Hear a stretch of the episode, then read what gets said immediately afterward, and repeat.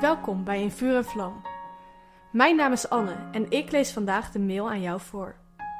Ik ben benieuwd wat Jezus vandaag tegen jou wil zeggen.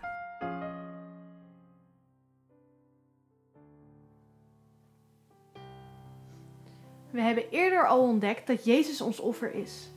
Door Hem kunnen wij in Gods aanwezigheid zijn. Vandaag wil ik nog wat verder ingaan op hoe God naar ons kijkt in onze gebrokenheid.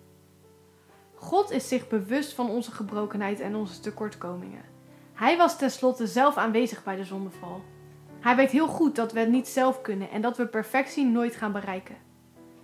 In Romeinen 8, vers 7 en 8 staat: Immers, het denken van het vlees is vijandschap tegen God.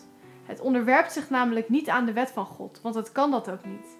En zij die in het vlees zijn, kunnen God niet behagen. Het kan dat ook niet. Wij zullen nooit kunnen winnen van ons vlees. En wij kunnen God dus niet behagen als wij in het vlees zijn. Maar hoe dan wel? Romeinen 8 gaat verder over de geest die wij van God ontvangen. Alleen samen met de Heilige Geest kunnen wij winnen van ons vlees. God weet ook dat wij zijn geest nodig hebben om te overwinnen. Hij weet dat wij het niet zelf kunnen. Als God dit weet en wij weten dat we het zelf niet kunnen, waarom vragen we Hem dan niet altijd om hulp? Als we bij God komen, zegt Hij: Ik ben blij dat je er bent. Ik wist al dat je het zelf niet kon. Ik wil je graag helpen. Als ik naar God ga, zeg ik vaak: Heer, het spijt me, ik kan het niet zelf. Ik heb u nodig. Wilt u mij helpen?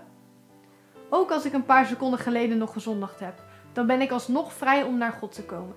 God is blij dat ik er ben. Wat een vrijheid.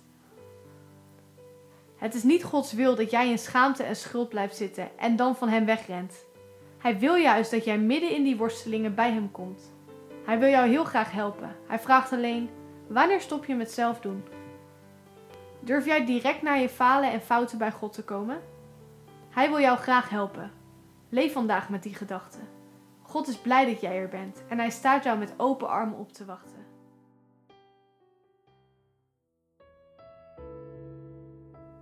Wat leuk dat je hebt geluisterd naar In Vuur en Vlam. Heeft de tekst je geholpen om God beter te leren kennen? Deel In Vuur en Vlam dan met je vrienden. Meld ze aan op streef.nl slash in vuur en vlam.